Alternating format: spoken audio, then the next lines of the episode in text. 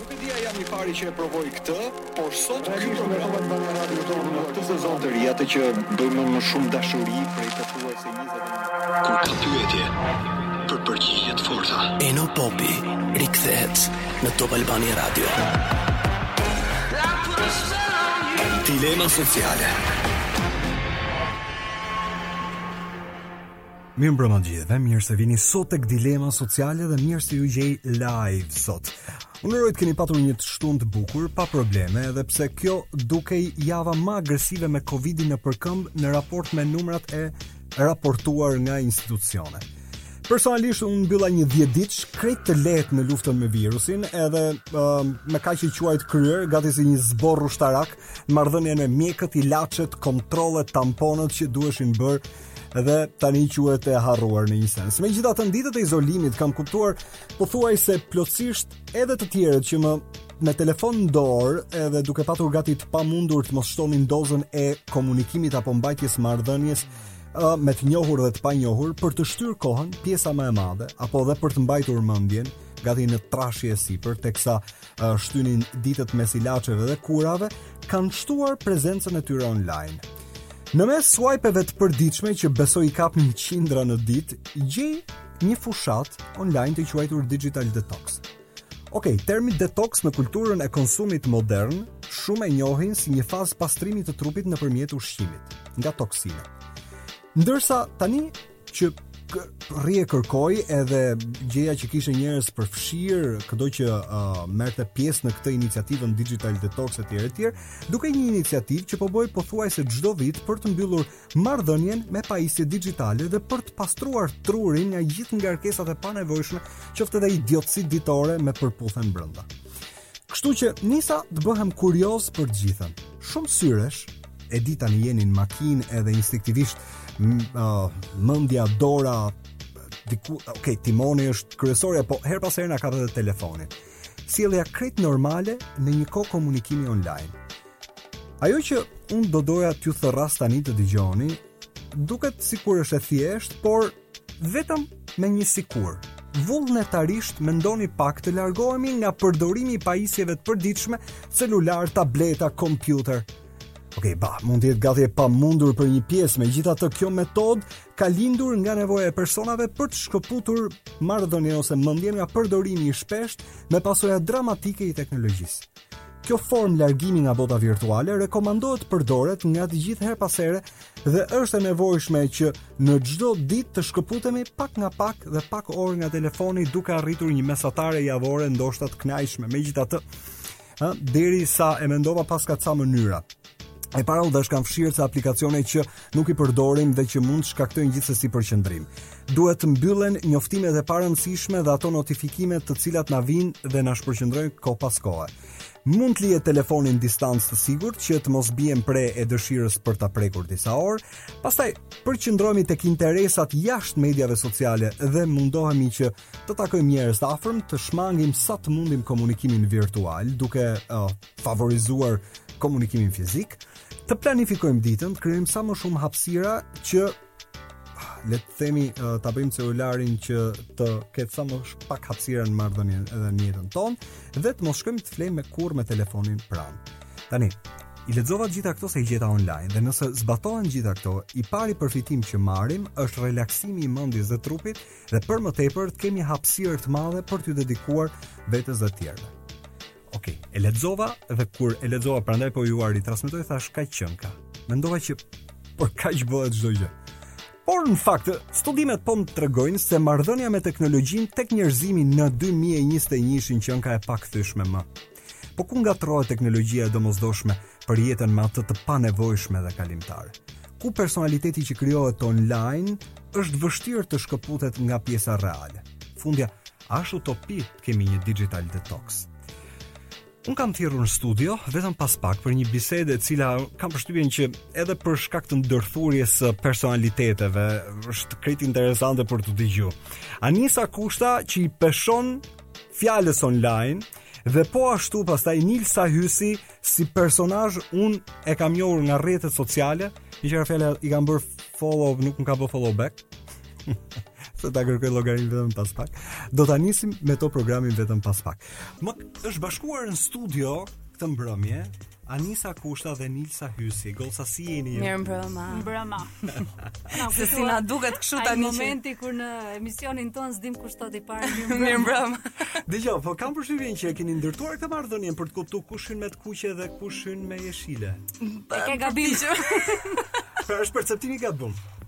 E ke shumë gabim. Sa do që bëjmë me shenja kur fillojmë prap që dojmë diku. Ej, faleminderit që erdhët. Faleminderit. Ju kërkoj ndjesë e para njëherë se është shtyrë në një javë kjo e gjitha. Ne do duhet ta kishim diskutuar javën e kaluar këtë. Don't worry. Dhe digital po. po Bajne, s'ka problem. Çfarë mbajë? Një në xhep. Po shyqyr goca që pjesa digjitale nuk ju ka hequr këtë pjesën e të qenurit njeri, për ta kuptuar njeriun e shkretë kur e zë dhe Covidi. Po. Zot mba dorën. Se kaq, se kaq ç'do bëjmë, ç'do bëjmë tutje. Ëm, um, unë nuk e di, ju dëgjuat uh, atë çfarë kisha mm -hmm. ndërmend, po kjo është shumë personale. Nëse ju në një moment do të kishit menduar të hiqni dorë nga marrëdhënia që keni krijuar online me ndjekësit në këtë pikë ku keni ardhur tani? jeni të lira të thoni, dëgjo, kjo është e pakuptimtë, as e çojmë njëherë nëpër mend, ose do të duhet të duket sikur S'ka gjëra të përjetshme, një moment do mbarojë. Kush do flasë e para, Nilsa? Po flas unë se mosha. Se je më e madhe.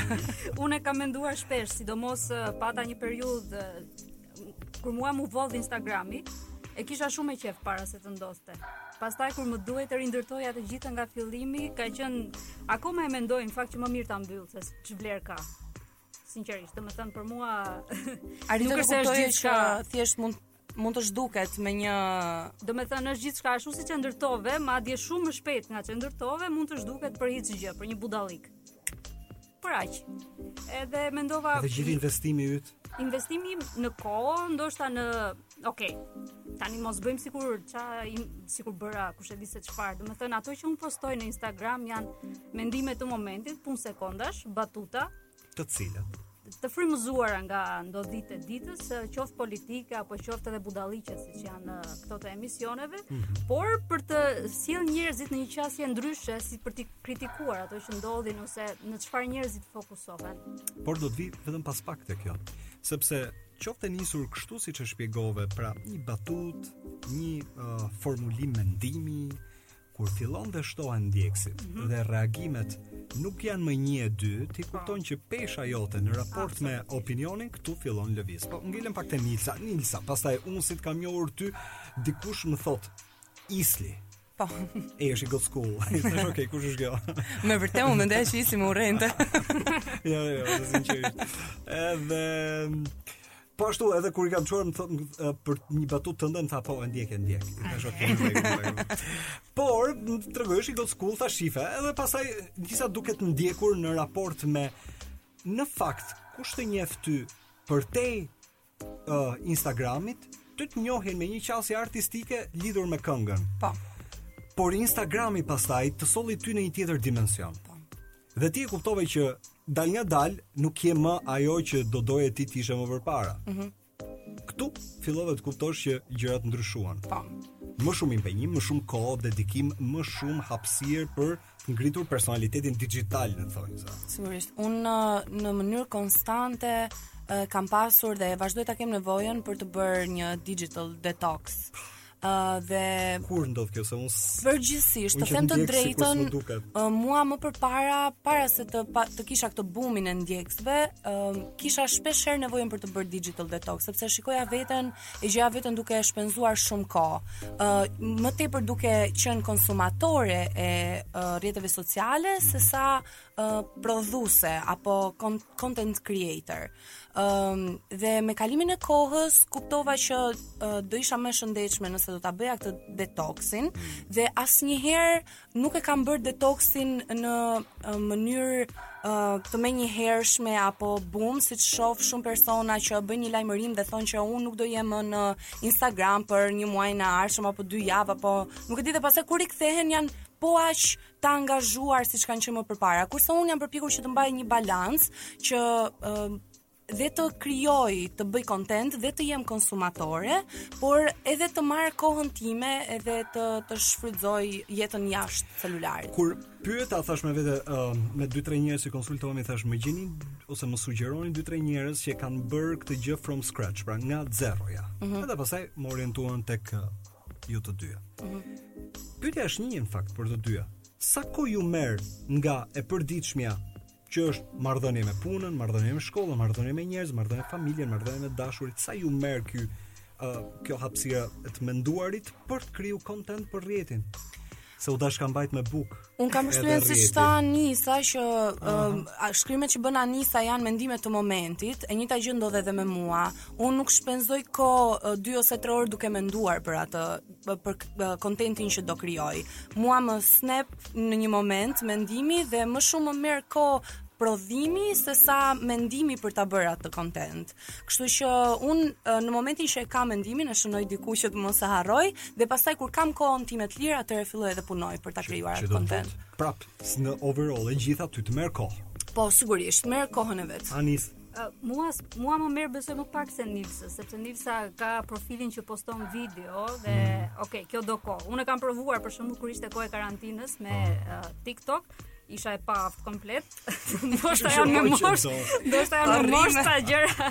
Dhe mua realisht realisht nuk më merr kohë. Ah, okay. Domethënë më lind batuta, kam një aplikacion pun sekondash e bëj, e postoj dhe pastaj nuk merrem. Po ama nuk ka një strategji nga mbrapa, të për shembull jo. të mendosh një sekond. Mhm. Që uh, nga insightet më rezulton që trafiku i njerëzve që do të lexojnë është më shumë nga ora tipit 5-6 mas dite po. Dhe rrinë njerëzit postojnë 5-6 masdite um, Un kam kuptuar diçka po. që shumë njerëz e bëjnë këtë, shumë faqe, shumë biznese e bëjnë këtë, por varet nga kontenti që, që ti prodhon. Mua më ka ndodhur që kam postuar në orën 2 të natës dhe kanë qenë nga videot më të klikuara dhe më të para të profilit tim. Kështu që kam vënë re që uh, edhe pse trendi apo uh, Google mund të na thojë që ku është trendi, uh, apo cili orar apo cila ditë ka më shumë uh, konsum të rrjeteve sociale, un kam kuptuar që nëse kontenti është i mirë, ecën. Prandaj edhe un nuk kam uh, krijuar një kalendar apo një se si se si uh, publikon po. gjërat, ama kam përshtypjen që ti merr shumë komplimente. Kurse Anisës i vijnë kundër me komente nga më të ndryshmet sepse njerëzit jo detyrimisht mendojnë njësoj dhe sidomos po preket pak politika, këtu fillon tifozllëku më. Ka njerëzit shajnë, Ka njerëz ka që shajn më shumë ka që thon pse merresh me politikë domethën. Po, sa i shkon? Ju pëlqejnë më shumë batutat, nuk e di.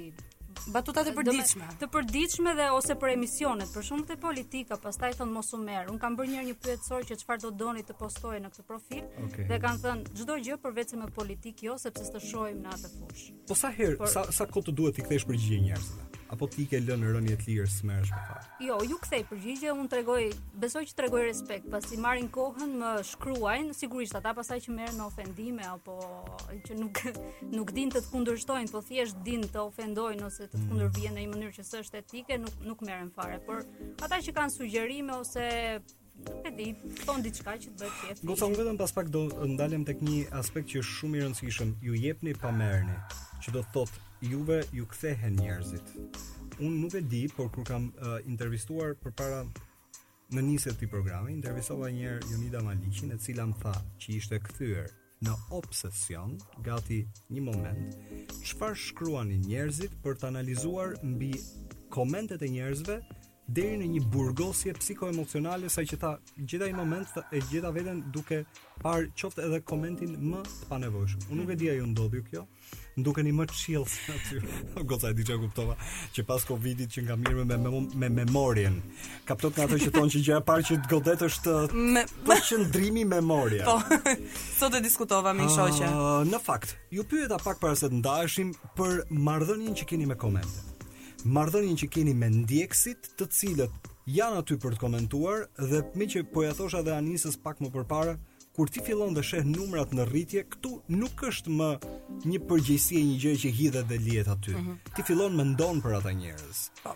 Dhe kjo në raport personal pastaj të lidh shumë më shumë me me rrjetin, me pajisjen, me uh, me qëndrimin online se sa më përpara. Si është për njërën dhe si është për tjetrën. Ëm uh, tani që ta nis nga fillimi, siç po thoja, që nga momenti, pra neve na merr shumë kohë momenti postimit, shumë kohë. Na merr kohën e vet momenti postimit, por pas postimi merr kohën e vet. pra pasi kemi postuar, ëm uh, Shofim her pas here se çfarë komentesh kemi marrë. S'është se po rri aty, bën refresh çdo moment. Jo, jo, asnjëherë, unë nuk e bëj asnjëherë këtë, po her pas here shof se çfarë komentesh kanë ardhur, që edhe nëse ka ardhur ndonjë koment negativ ose thjesht është koment negativ që nuk ka lidhje me kontentin përkatës, ë uh, përpiqem ta fshij ose sepse dua të ruaj një profil, profil uh, timin. Uh, në tërësi, un personalisht Mbaj mend kur kam qenë më e vogël, pashë një intervistë të Miley Cyrus që thoshte, ë uh, ishte pikërisht kjo pyetje që si përballosh si si përballesh me komentet negative në rrjetet uh, online. Dhe thoshte e para gjë që bëj, nuk e googloj kurrë emrin tim dhe e dyta nuk i lexoj kurrë komentet, atëherë bëhej fjalë për komentet në YouTube, jo në uh, Instagram. Dhe në momentin që mua filluan të më shtoheshin ndjekësit dhe në të njëjtën kohë shtohen edhe personat që uh, negativë, uh, e kisha e kisha diku të fshehur në mendje këtë intervistë edhe thashë ok paska pasur të drejtë dhe un bëj po të njëjtën gjë. ë uh, mesazhet. Këto mekanizma mbrojtës. Po, ëm um, parimi, domethënë fillimisht jam përpjekur të të t'i them vetes dhe uh, unë besoj që është e vërtetë që çdo mesazh i tillë keqdashës uh, nuk duhet marrë personal sepse uh, tek e fundit është nga një person që nuk që... di të bëjë asgjë tjetër përveçse të të ofendojë. Uh, kështu që un i injoroj uh, paraprakisht këto lloj mesazhesh, kështu që nuk më bëjnë, nuk më kanë bërë ndonjëherë të ndihem keq. Dhe nuk e them këtë sepse po e them ngaqë jam në një intervistë në radio, por realisht kështu kjo është përballja ime me me komentet negative. Anisa. Për të ndjerë keq as që bëhet fjalë njëherë. Ti do thoshe s'ua jap atë kënaqësi atyre që të më ndikojnë. Jo, po s'kemi as kohë as nerva as moshë. Okej. Okay. Por uh, un postoj dhe i kthehem shumë rrallë pastaj. Ç'është e vërteta, nuk kam shumë komente që të jenë negative. Po je e mirë. Jam goca e mirë, përmbahem. Unë matem shumë para se ta postoj diçka.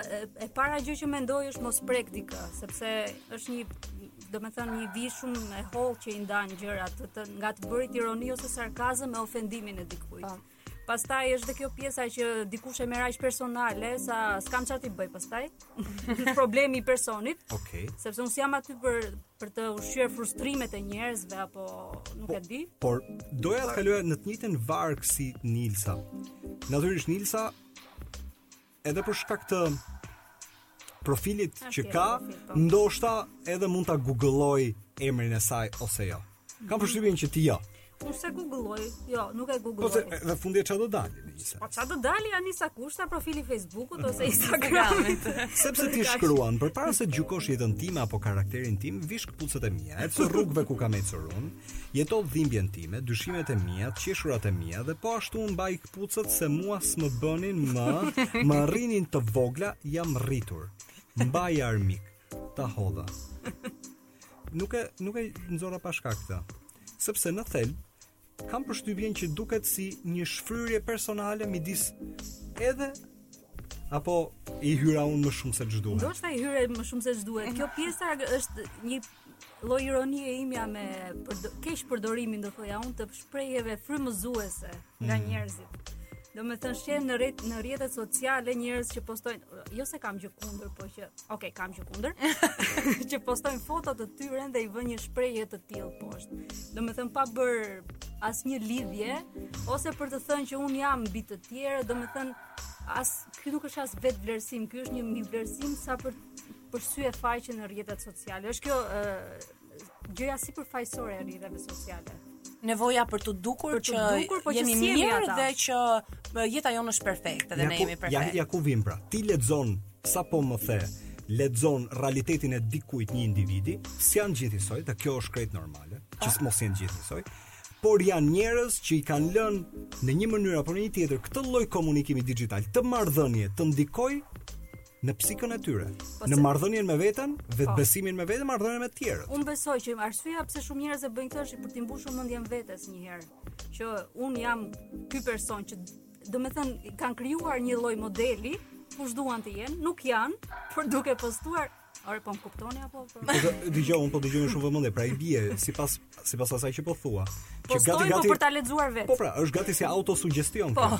Vetëndihmuese. Po, unë kështu po. mendoj. Dhe nuk është gjë e keqe po ta mendosh, por që është falso, është shiko deri në një kur kjo bëhet në masë, atëherë edhe ambientin e uh, rrjeteve sociale e bën deri diku toksik, prandaj edhe ne kemi nevojë për t'u detoksifikuar në një moment. Drejtë. Kështu që uh, unë e kuptoj që dhe të gjithë ne e kuptojmë që sa të mira na jep, na japin rrjetet sociale, po, oportunitetet, madje unë dhe Anisa jemi dy persona që përfitojmë nga rrjetet sociale. Nga ana tjetër, uh, duhet mbajtur një distancë që të jep uh, mundësinë për të qenë i shëndetshëm dhe për të krijuar marrëdhënie përtej uh, Dhe si keni gjetur ju okay. këtë të mesmen e artë? E unë për mua të qenit të shëndetshëm, qoftë në rrjetet sociale kur poston, uh -huh. edhe qoftë më tej është ti je i njëjti person. Domethënë të mos përpiqesh fare të absolutisht. Kjo pastaj është e lodhshme, kjo pastaj do të krijojë frustrime, është realisht shumë e lodhshme. Dhe në fund të fundit edhe edhe ndjekësit e kuptojnë, ë, në një në një moment edhe ndjekësit e kuptojnë që ti po shtiresh. Po mirë, si si, okay. Dëgjo, shumë se Anisa nuk ka, kam përshtypjen që nuk e kam më shumë zahmet këtë punë, por Nilsa me ty e kam. Sa vështirë është me qenë vetvetja? Um, unë s'e kam personalisht nuk e kam ka... pasur të vështirë pra, sepse unë gjatë gjithë kohës jam vetvetja. Pra nuk është se krijon një personalitet digital dhe një personalitet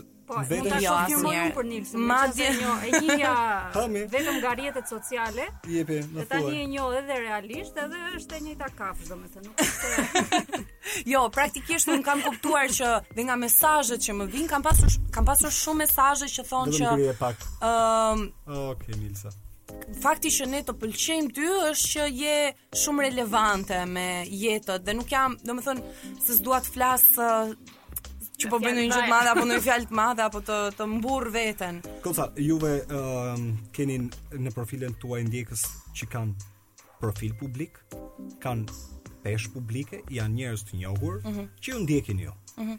A kthehet kjo në një lloj po aq obsesioni mbi të bërit përditë nga një gjë që të kapësh s'po them një VIP se gjithë VIP-a janë në vetëm po. sot po të kapësh um, një target njerëzish ku Njerëz të një rëndësie të veçantë ju ndjekin po aq. Um, unë kam përshtypjen që vjen rrjedhimisht. Unë lexoj te ty, ka plot njerëz nga këta që i njohim mm -hmm. në në në po. habitatin ku jetojmë, po. televizion, muzikë etj etj që të komplimentojnë. Po. Ë, uh, shiko, unë kam përshtypjen që vjen çdo gjë vjen shumë në mënyrë shumë organike. Mm -hmm. Pra, çdo ë uh, personazh në rrjetet sociale ndiqet nga publik i ngjashëm me çfarë personi shfaq në këto rrjete. Pra, ë um, tërheq praktikisht llojin e tij. Okej. Okay. Kështu që diku me plus minus, ë um, varet, domethënë ka lloje të më fal të ndryshme njerëzish, por uh, në në në total, në përgjithësi është Para se të vinte bateria e pyetjeve finale se meqë më lidhe këtu. Po, pra, domethënë, patjetër, po mos më thuaj që ty të ndjek El Hajd Sufi, po të ecim tek Jo, unë kur më kanë bërë, më kur më kanë ndjekur persona publik. Pikërisht. Gjëja e parë që mendoja gjithmonë është që Po më ndjekin që unë mos t'i shaj ose mos bëj ironi me ta.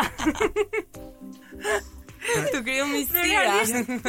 Shife, domethën, edhe me të qeshur, po e kupton që ka një hint të, s'po them censurës personale, po ja diku të shkon mendja që po. përderisa po ndjekin diçka. Po mua më kanë mua më ndjekin shumë influencers dhe unë me influencerat e kap gjithmonë keq, kështu që nuk më kanë ndikuar ndonjëherë. Çfarë Unë mendoj që çfarë duhet thënë dhe çfarë duhet bërë në rrjetet sociale për të mirën e shoqërisë tonë, të bëhet pa patur nevojë për miq ndërmjet.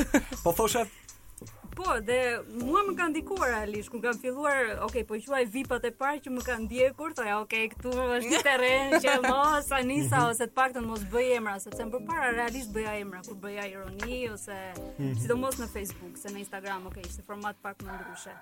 Dhe, ok, tani e kam kthyer në këtë që mos të kapim, mos kapemi me emra fare, më ka ndihmuar. Uh mhm. -huh. Dhe nuk kapem më me emra, po kapem thjesht me fenomenin. Kështu që në këtë pjesë do thoja që jam rritur. Okay. Nuk është fare e nevojshme të kapesh me personin, po mjafton fenomeni. Siç ti shkruan vetëm komshia mund të të gjykojë. Absolutisht. Sa keni ju ë uh, përdor ose atë që quhet time screening ose përdorimin ditor të po, telefonit. Po, po, na hapi të telefonit. Të telefonit. A do ta hapë një temë që nuk tregon. Duhet të jenë te statistikat. Unë për shembull kam te screen time. Mua më merr siç e shihni, Pra, 8 orë e 16 minuta në ditë. Është e tmerrshme. Un kam një konstante, kam gati një vit që kam një konstante të frikshme me 7 orë e gjys. Kush i jetë çdo ditë? Ëh? Kush i vet? Ke nga këto telefonat? Jo, të mirë ti Anisa. Okej, Anisa më shkruaj kush i jetë shok e drejt. Un sapo Apple e nxorri këtë. Tashmë vetë tani do filloj atë që quhet Realisht Digital Detox me idenë që është si puna asaj që e ke tepruar një çikë.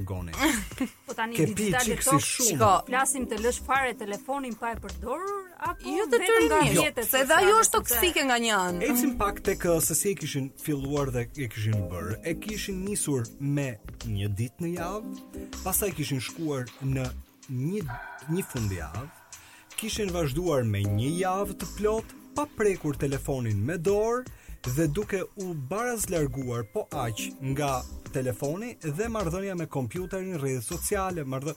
pra ai e gjitha ajo që quhet ndikimi dixhital. Duke bërë këtë lloj detoksi dhe duke u lidhur më shumë drejt marrëdhënieve njerëzore personale dhe atyre të cilat janë më tepër lidhje me librat apo me gjëra të kësaj natyre. Shikon, kam përshtypjen që për personat që janë vetëm konsumues të rrjeteve sociale, kjo është një zgjidhje shumë e mirë. Si e bëni ju kur ikni në pushime me këtë, se është shumë e rëndësishme. Nga ana tjetër, Në me pushime, pushime ne pastaj. kur uh, kur ikim me pushime un personalisht e përdor sa më pak uh, telefonin sepse kam disa prioritete, prioritetet e mia janë marrëdhëniet me njerëzit dhe me veten time në radh par, kështu që në momentin që un i përmbush prioritetet e mia, rrjedhimisht e përdor edhe më pak telefonin. Okay. Anis, ti si ja bën me pushime? Kur vin ato pushime? Kur kanë qenë? Tani un ndaj digital detoxin që ka kjo mos përdorësh Mos mos përdorësh fare telefonin këtë, nuk besoj se do arrij ta bëj ndonjëherë. Vetëm afro pak, lutem. Nuk besoj se do arrij ta bëj ndonjëherë që të shkëputem fare nga telefoni sepse komunikoj me njerëz, domethënë po nga rrjetet sociale patjetër që po, unë s'do e kisha problem. Kam pasur ditë që as i kam hedhur syt fare rrjeteve sociale, nuk është për mua problem. Mm -hmm. Unë kam përshtypjen që për njerëz si ne që rrjetet sociale i kemi në një farë mënyre punë e, e përditshme, kam përshtypjen që duhet të gjejmë një lloj balance. Ky është çelësi. Dhe unë un, për mua un... personalisht është un kam një punë tjetër, dhe un kam një punë tjetër, un kam një punë, un kam një punë tjetër.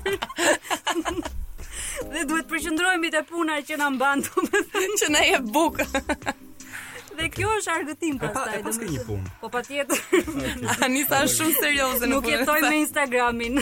Asnjë nga ne nuk jeton me Instagramin Kisha pas përshtypjen që ti jetoje me Instagramin. Jo, nuk jetoj me Instagramin. Jo, dua të them në në marrëdhënien me çfarë uh, mund të jetë profit, pra kompani që mund të afrohen, Un nuk kam bër vitin që un kam një numër të lartë ndjekësish në Instagram, kështu që jam 25 vjeç, nuk kam jetuar ndonjëherë me Instagramin dhe vazhdoj të mendoj që dhe nëse do më jepet mundësia nuk do doja të jetoja ndonjëherë me Instagramin sepse kam pasione të tjera edhe dëshira të tjera për të bërë. Ndërkohë punoj edhe un njësoj si Anisa, jo full time, por një punë okay. shumë serioze nga ana tjetër. Ëm, um, por e rëndësishme është që është një punë shumë serioze. Po. Kjo është e rëndësishme që është një punë shumë serioze. Jo se për të besuar, po. po, shumë pak njerëz e besojnë në fakt. Se kur të shohin ty tek ajo puna serioze, mhm. janë automatikisht, pra, unë besoj ju e keni vënë re që më ndryshe besoj i ndodh edhe Nilsës se del me portret, po kur të shofin dhe asociojnë, domethënë, atë që ti bën, me atë që Ndoshta kush të njeh për herë të parë mendja i shkon menjëherë te ato çfarë poston. Po. Që ti do duhet të jesh kjo. Uh, unë në fakt uh, kur fillova punën nuk isha akoma kaq e njohur, kështu që nuk e kishin parë këtë pjesën time. Ja. Uh, dhe fatmirësisht është një ambient pune që e duan shumë këtë këtë pjesë uh, se si jam unë në social media që jam edhe në përditshmëri duke ruajtur në punë pastaj seriozitetin që që i takon. E paske zgjidhur me drejtorin. jo, edhe mund t'i çosh mesazhe. Drejtoreshën. Drejtoreshën. It's a girls' world tani. Okej, okay, super. Unë ju falenderoj që erdhët. Shumë faleminderit edhe ti. Goca, ishte kënaqësi për të t'ju njohur ju mbi të përditshmen tuaj ndikimin përgjithësisht audiencës me punën edhe me angazhimin që keni online, megjithëse të dyja siç më thatë jeni në punë serioze. Punojmë. Okej, okay, uh, mirë se u rikthyet tek uh, dilema, mirë se u rikthyet në program. Po. Isha duke parë um, përpara se të lidhem me Anxhela Pezën, me të cilën po përpiqemi që të koordinojmë edhe uh, lidhjen me telefon. atë çfarë ka ndodhur në Shtetet e Bashkuara të Amerikës për atë që quhet digital detox edhe sa e mundur është apo forma për ta aplikuar këtë. Vetëm 2 ditë brenda një uh, minibusi i cili mund t'i kishte të gjitha kushtet për të jetuar dhe përgjithsisht janë këto kamperat që që qarkullojnë për të fitu gati 1000 dollar. Një kompani në Salt Lake City, në Shtetet e Bashkuara të Amerikës e ka provuar këtë dhe duket sikur është një kamping i pazakontë, por fituesi i rastësishëm është paguar me 1000 dollar uh, për të shkuar në një nga parqet uh, kombëtare në Shtetet e Bashkuara të Amerikës, gjelbërim kudo, ideja është për të kaluar një fundjavë i shkëputur plotësisht nga interneti, marrëdhënia me pajisjet digjitale dhe shkëputja me botën online është e detyrueshme. Dhe kjo është pjesa më e mirë pasi gjitha shpenzimet i ka të paguara. Megjithatë, ne dimë që jo vetëm siç uh, kam përshtypjen që uh, Ok, nëse e kemi më thoni nëse e kemi në telefon. Kam përshtypjen që ata njerëz të cilët kanë shkuar, kanë vendosur që një t'i japin një sprovë vetes, e dyta sepse siç kanë deklaruar menjëherë pas fundjavës ku morën edhe ato paratë, përveç se e kaluan fundjavë, thanë që ishin më të qetë pavarësisht se disa prej tyre në momentin e parë që u vendosën me telefonin, gjënë e parë që bën është filluan të kontrollonin apo të kërkonin se si do të shkonte ose si ka shkuar, ë uh, kishte shkuar marrëdhënia e tyre larg telefonit tipit një javë ose uh, kush i kishte telefonuar dhe kishin uh, rimarrë dhe një herë korrespondencën për të kthyer përgjigje. Kjo është një marrëdhënie e sforcuar psikoemocionale, mendoj unë, me uh, me me uh, pjesën me digital detoxin e famshëm për cilin po diskutojmë. Ndërkohë, po duke mbetur tek marrëdhënia dhe ndikimi psikologjik, ata të cilët eh, janë specialistë të fushës dhe psikologë thonë se sidomos ngrenë alarmin për digital detox gjithmonë çdo natë para gjumit. Nuk është e re më tani ndikimi direkt që uh, ka teknologjia direkt tek gjumi apo Mënyra se si ne bëjmë gjumë të shqetësuar në raport me pajisjen që e kemi gjithë kohës te koka. Megjithatë, do ta flasim vetëm pas pak me Anxhela Peza. Hella good, dëgjoni tani, no doubt. Nëse bën një digital detox me gjas mundet të jesh më i qetë në të përditshmen e ditëve ose javëve që do të vijojnë. Megjithatë, duke par duke patur parasysh se 11 orë që nga një mesatare e angazhimit, sidomos për një brez të ri që shikon, lexon dhe vazhdon të jetë gjithkohës në mënyrë interaktive në lidhje me pajisje dixhitale, arsyeja pse kërkohet një digital detox për shëndetin mendor nga Shtetet e Bashkuara të Amerikës si formë dhe si iniciativë tani më nuk është e re. Për të disatin vit ndodhin dhe ndodhin ndodhin vazhdimisht uh, që nga këto kampingjet e sajuara deri tek uh, këshillat me me mjekët terapistë. Unë në telefon kam Anxhela Pezën, psikologe e njohur, Anxhela, si je ti? Përshëndetje. Përshëndetje, mirëmbrëma. Mirëmbrëma, sa kohë ka pa u dëgju që nga periudha e Wake Up-it. Po, po, po. Një të jaku t'i gjohën. Je, no. A je mirë ti, Anxhela? Unë nuk e di nëse e ke provuar vetë uh, dhe kur po diskutonim për uh, të qenë ti prezent në program, po mendonim nëse njeri e nis nga vetja, ose do ta kishte provu nga vetja. Ka pas momente që ti Edhe pa këtë terminologjinë digital detox, ke vendosur të bësh një distancim për të provuar se çfarë ndodh me ndjesinë personale kur ca gjëra i lë mënjanë për ca kohë. Ehm, um, po të flas personalisht, unë gjithmonë e kam quajtur veten kështu si old style, edhe thoja që kam lindur pak e motshme. Ëh, uh, jam shumë e lidhur me letrat, edhe me shkrimet, Jam, më pëlqen më shumë kjo kjo pjesë, fakti që ne bëjmë shpeshherë këshillime në zyrën tonë, na duhet të bëjmë atë nxjerrjen e të keqes jashtë, ne kemi nevojë për një shëtitje pak aktivitet fizik ose të të ndryshojmë ambient. Kështu që na qëllon që të rrim pa telefon rreth 5 orë, 6 orë, edhe më shumë se sa kaq, sepse për rreth një orë që ne mund të zhvillojmë terapinë tonë, mm. sigurisht që ne telefonin nuk e prekim fare, sepse është brenda e li, ligjit të etikës profesionale në psikologji. Kështu që jemi paksa të distancuar, por ka dhe një por të madhe që mm. duke qenë pak person publik, të duhet gjithkohë të merresh me rrjetet e tua sociale, sepse është një mjet shumë uh, i mirë që të kontaktojnë klientët, të kontaktojnë pjesa tjetër e asaj që ti ke nevojë. Le të Ecim tani dhe të diskutojmë pak në atë që pra në ujëra që ti i njeh më mirë edhe më duhet që në raport me çfarë lexoj për të bërë një fact check nga ana tjetër të marr një përkthim më profesional nga ty. Mm -hmm. është bërë një kërkim nga Common Sense Media ku tregon se gati 78% e të rinjve dhe flas midis moshës nga gjashtëmbëdhjetë deri në njëzet e katër vjeç thonë se në momentin që mund t'i duhet të shkëputen nga marrëdhënia që kanë me telefonin apo me pajisjen, e ndjejnë, e ndjejnë ata e përkthejnë dhe 78% është shumë, është jashtëzakonisht shumë ndjejnë që kanë një gjë që nuk shkon në raport me sjelljen, e cila mund të jetë nga një shqetësim i moderuar deri në sjellje agresive. Kur e lexova këtë, kjo më shqetësoi. Dhe kjo vendos, kjo më bëri që të dëgjoja në telefon apo të të merrja në telefon sot për të dëgjuar. Kur bën shkëputje, na. Çfarë do të thotë kur, çfarë do të thotë kur ti gjen një brez të ri agresiv vetëm pse i ndalon apo ka një sjellje kompulsive vetëm pse mund t'i ndalosh marrëdhënien me pajisjen. Kjo është diçka shumë specifike. M'u duk shqetësuese.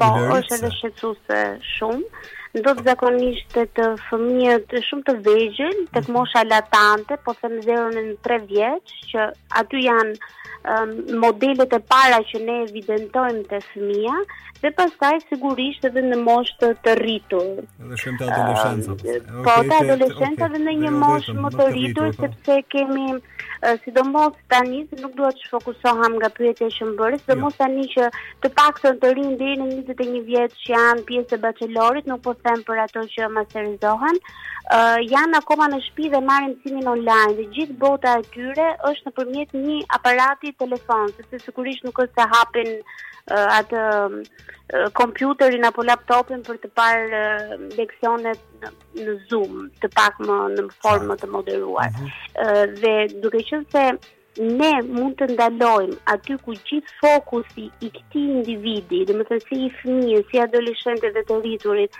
është në telefon, momenti që ti ia heq, sapo i ke shkëputur vëmendjen e tij, pra, e ke shkëputur nga realiteti dhe nga bota virtuale.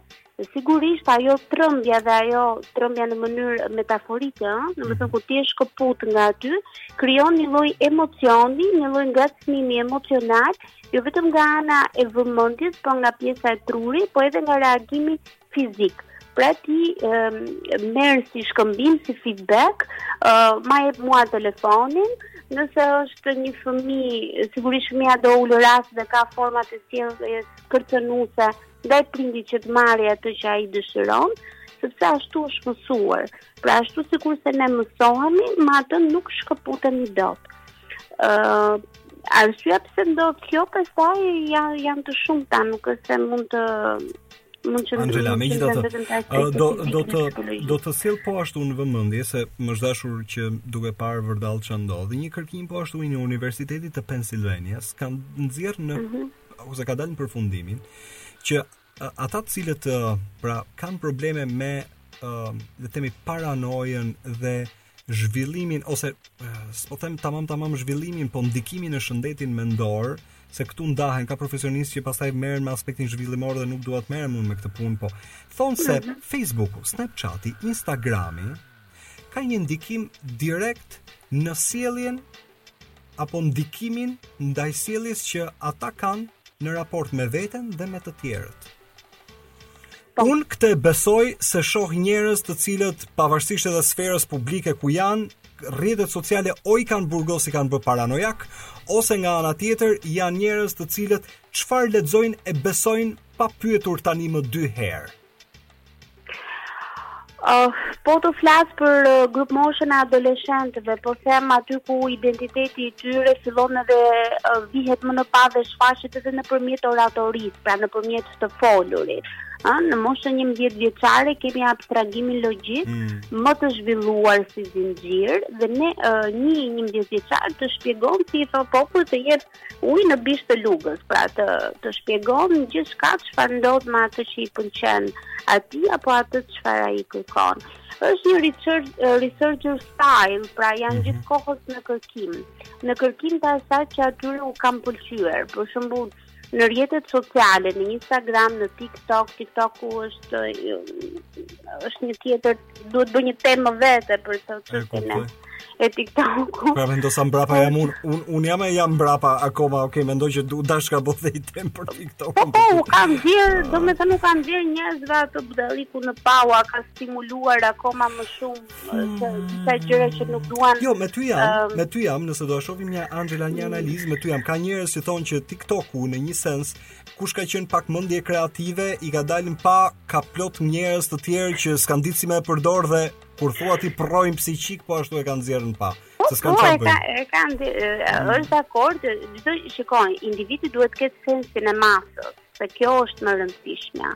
Por që po të rikthehem te pyetja te pyetja që që sapo më bëre se është pyetje që të ngacmon shumë për të dalë edhe në në shtigje në shtigje të tjera, mm -hmm.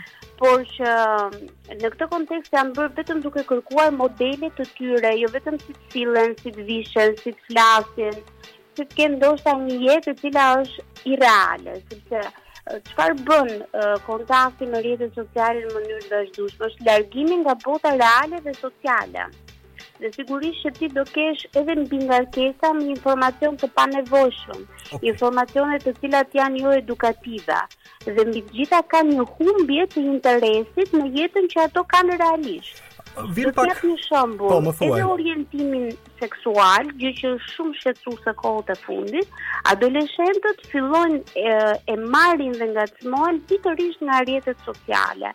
Në qoftë se më parë nuk kishte shumë problematika të tilla dhe këto ishte në minorancë, tashmë duke qenë të ekspozuar ndaj rrjeteve sociale dhe nuk ka limit kjo gjë, patjetër që i fut edhe në dilema për çështjen e identitetit seksual. Dhe kjo është pyetja e parafundit, ok, duke parë elementet shqetësues që psikologët kanë nxjerrë dhe unë mbetem tek studimi i Universitetit të Pensilvanisë, uh, depresioni vetmia, një dhe e dyta krijimi i një personaliteti uh, të dyfishtë, s'po them një personaliteti bipolar, se pastaj kjo do, do, mhm. do, do ishte pak më shqetësuese, po personaliteti të dyfishtë, midis asaj çfarë duan të shfaqen dhe atë që janë në të vërtetë. Um, problemet e shëndetit mendor sigurisht që gjejnë elementë të ndryshëm në jetë për t'u fshehur ose për të bërë kompulsionin e tyre, pra atë që i rri në mendje në mënyrë të vazhdueshme që është obsesioni dhe kompulsionin, sjelljen si ato e manifestojnë. Ka uh, forma të ndryshme, të cilat për, për shembull nëse do flisim për depresionin, dhe ai mund të jetë në fazën e tij depresive dhe jo në fazën maniakale, patjetër që mund të jetë në marrëdhënie me telefonin në mënyrë të vazhdueshme, ashtu sikur se mund të jetë sjellja kontakti për shembull me cigaren apo me alkoolin apo po, i drejtohen sjelljeve të tjera të dëmtuese. Ideja e telefonit tashmë është ose telefon kur them telefon nënkuptoj dhe rrjetet sociale dhe kompjuterin. Sepse shumë po të flasim për 2007, normalisht kompjuteri ishte një mjet i cili përdoreshe në pak orë atëherë kur ty të duheshe dhe ishte në një vend të shtëpisë ose në një vend të zyrës, ndërsa tani çdo gjë, emailet, kontaktet, informacionet, edukimin ne e marrin të gjithë nëpërmjet një rrjeti shumë të vogël ose një aparati shumë të vogël siç është telefoni. Por probleme të ndryshme të shëndetit mendor patjetër që interneti, pra bota digjitale, i stimulon dhe i zhvillon siç janë përndjekjet, paranojat, depresioni, çrregullime të tjera të natyrave të tjera, uh, ia mundëson. Uh, do ta mbyll tani Anxhela, kur do ia kishe rekomanduar ti dikujt pra në ç'fazë, qoftë edhe klinike? Do ia kishe rekomanduar mm -hmm. dikujt që të bënte një digital detox? Uh, në fakt në fakt ne nuk e nuk e kursejmë fare si këshillë për të bërë të digital uh, detox sepse marrëdhënia me veten është një nga gjërat më më të rëndësishme, rrit rrit pjesën e vetëvlerësimit, të vendimmarrjes, qëllimet që ti do të kesh në jetë dhe je më i qartë me vetveten. Mm.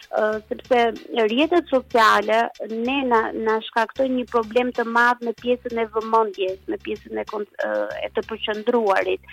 Dhe kjo pastaj sjell probleme të tjera jo vetëm në punë, jo vetëm në marrëdhënie personale, por edhe ndërpersonale, pra me familjen dhe me me shoqërinë. Por momenti kur ajo bëhet dëmtuese për individin dhe ka ankesa jo vetëm nga vetë individi, por dhe nga të tjerët që janë pranë tij, Patjetër që është e nevojshme kjo gjë. Ah. Si rekomandim do mhm, po. të jetë për të gjithë, domethënë po, po, duhet vendosim, duhet të vendosim një zonë sa më me pesë. Edhe unë kështu mendoj si profilaksi është krejt e nevojshme kohë pas kohe, kjo s'ka të bëjë pastaj ke një takim me një terapist apo s'ke një takim me një terapist. Anxhela, unë falënderoj që gjete kohë. Faleminderit. Të uroj mbrëmje të këndshme. Faleminderit Anxhela. Ëh, edhe un ty gëzohem që u ridëgjuam. Të u ridëgjuam pas kësaj mm, zakonisht. Mm, natën e mirë. Natën e mirë. Dëgjoni tani Gavin DeGraw me Chariot. Vetëm pas pak më vjen Tomi Kallanxhi.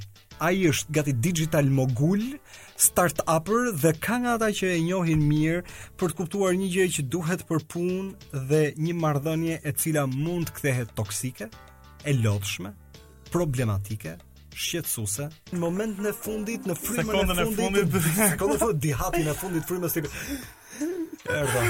Si je ti? Shumë mirë. Sa kohë pa u pa? Shumë. Që nga periudha wake up-it.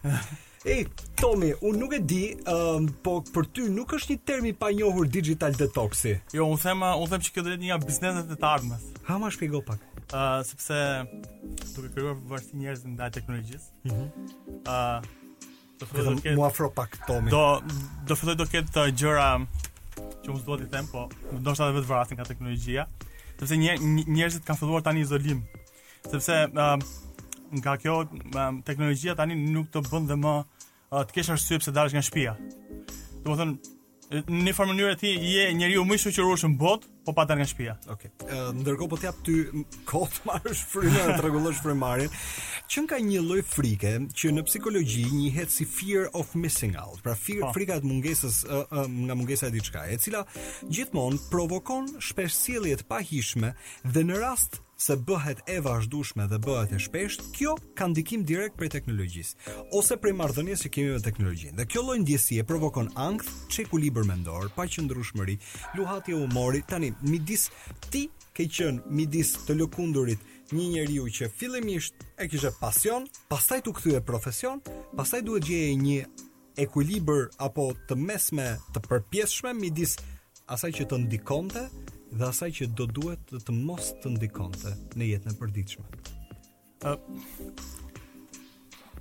Kjo në atë periudhë që u futa unë drejt teknologjisë ishte nuk ishte teknologjia kaq e futur rrënjësisht sa që është tani në në këtë moment. Domethënë ti ti parimisht sot me teknologjinë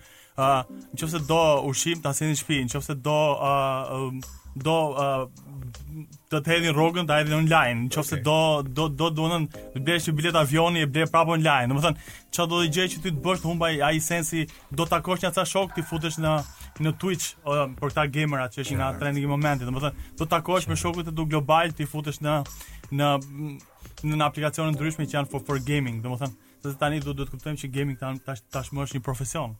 Nuk është më uh, mos rri aty se po humb kohën kot, kupton? Kështu që uh, edhe duke u bërë teknologjia profesion, uh, ti uh, dashurohesh aq shumë me punën sa që nuk dallon dot të uh, punën nga pushimi. Mm. Sepse ti je aq i apasionuar pas asaj gjëje që bën dhe uh, ti nuk e dallon dot që sot ndejta 6 orë, 10 orë gaming, uh, dhe ndejta 18 orë, kupton sepse ti aq je apasionuar pas asaj gjëje që bën sa që nuk nuk dallon dot uh, pasionin ndaj edhe edhe relaxin domethënë. Megjithatë, të vijmë pak um, Tomi tek uh, ajo që diskutohet vazhdimisht edhe në mjedise profesionistësh.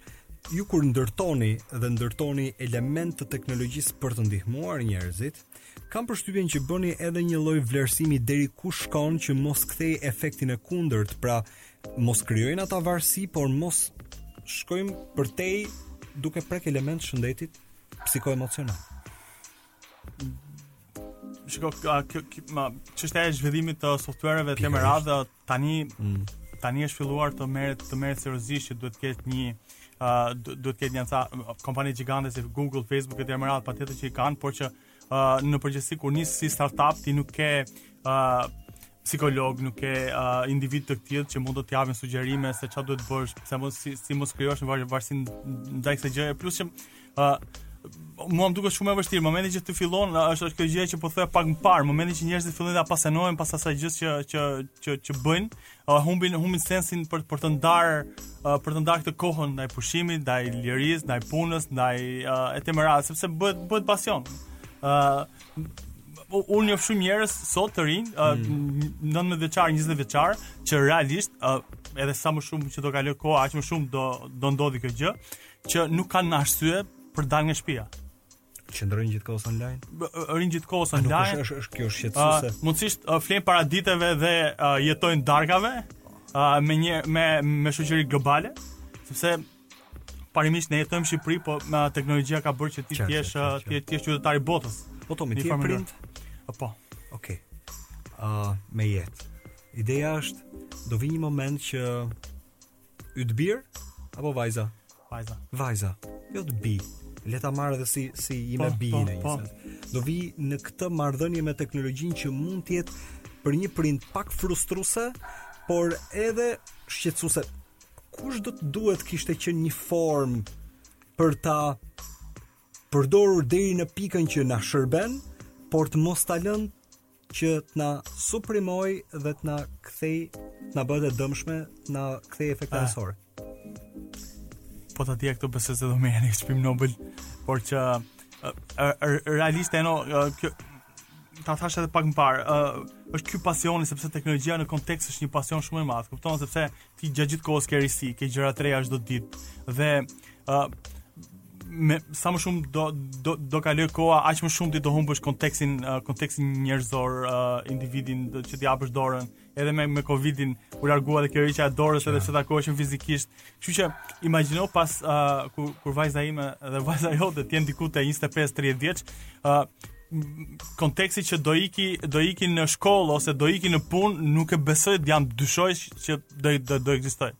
A kështu që a kjo, kjo është një një pastaj do jetë një një një luftë psikologësh, një luftë startupesh, një luftë big datash, a ti a, në të ardhmen ndoshta s'do s'do duhet më të ndoshta çfarë do se do do jesh kuptuar aq mirë nga nga algoritmat. Okej, okay, Tomi, unë kur flas me ty, flas me një profesionist të fushës me profesionist të vijës së parë, që do të thotë ti arrin të kuptosh midis asaj çfarë është e nevojshme dhe asaj çfarë është abuzive.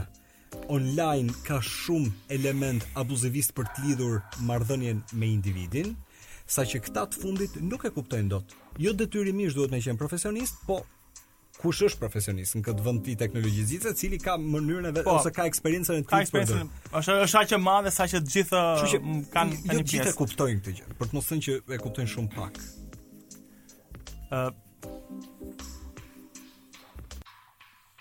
Unë them që uh, sepse unë jam edhe vetë në një farë mënyrë i varur. Domethënë, uh, i varur uh, sepse ti je, je gjatë gjatë gjithë kohës ndaj risive, ndaj gjërave, ndaj uh, dhe Ë më duket ja sapo erdhi një, një notification dhe është ja dhe edhe sidomos kur je gjatë gjithë kohës në lidhje me me teknologjinë me me me innovationin me me integrimet me inteligjencën artificiale me big data dhe ë gjatë gjithë kohës ne të teknologjisë nuk është se mundohemi që t'i t'i shkatërrojmë edhe njerëz. Domethënë mundohemi të të të të tentojmë të bëjmë një algoritëm aq perfekt saqë duam gjithë kohës ta perfeksionojmë dhe ndonjëherë ky algoritëm na pushton edhe neve vetë. Ëm um, Sa është kohëzgjatja jote e qëndrimit s'po them online, se unë e kuptoj diku ndahet puna dhe diku po ashtu kur do të gjesh kohën e lirë, si bën zgjedhjen midis njërës dhe tjetrës.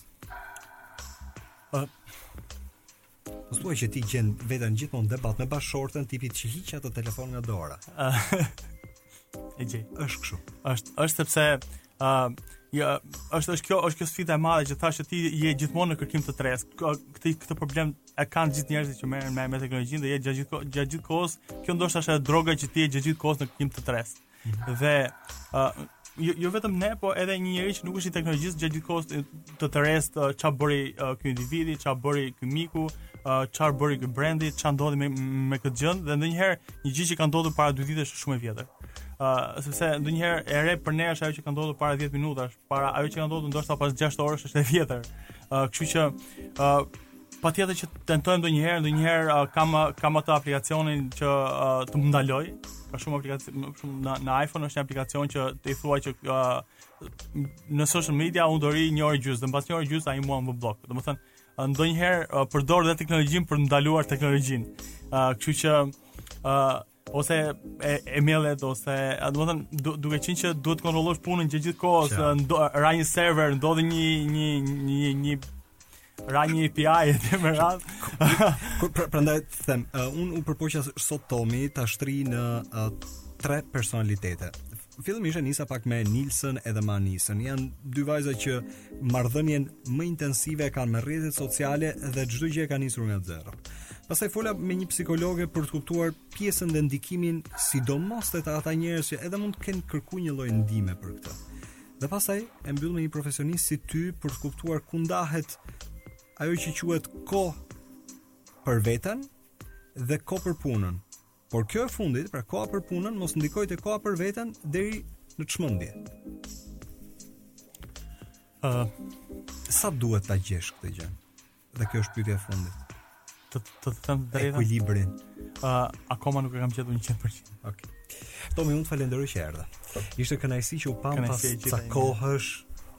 Uh, shumë suksese me uh, edhe ti shumë urime me këtë emision okay, faleminderit shumë suksese me shtëpi pikal se vazhdoj të shoh në një herë se si funksionon ë uh, Ishte me ne Tomi Kallanxhi. Okej, okay, Tomi kush e njeh e njeh si startuper edhe pak digital mogul edhe pak uh, um, midis inovacionit edhe gjërave të reja, ne kemi ardhur në fund të dilemës sociale për sot. Ama një gjë kemi kuptuar, që e kemi në dorë veten. Nuk mundet edhe të akuzojmë teknologjinë që mundet të na tërheqë zvarrë deri në pikën e moskontrollit personal. Jo, këtë së paku jo. E kemi vetë në dorë për të kontrolluar kohën dhe së paku emocionet dhe shëndetin mendor. Ne kemi ardhur në fund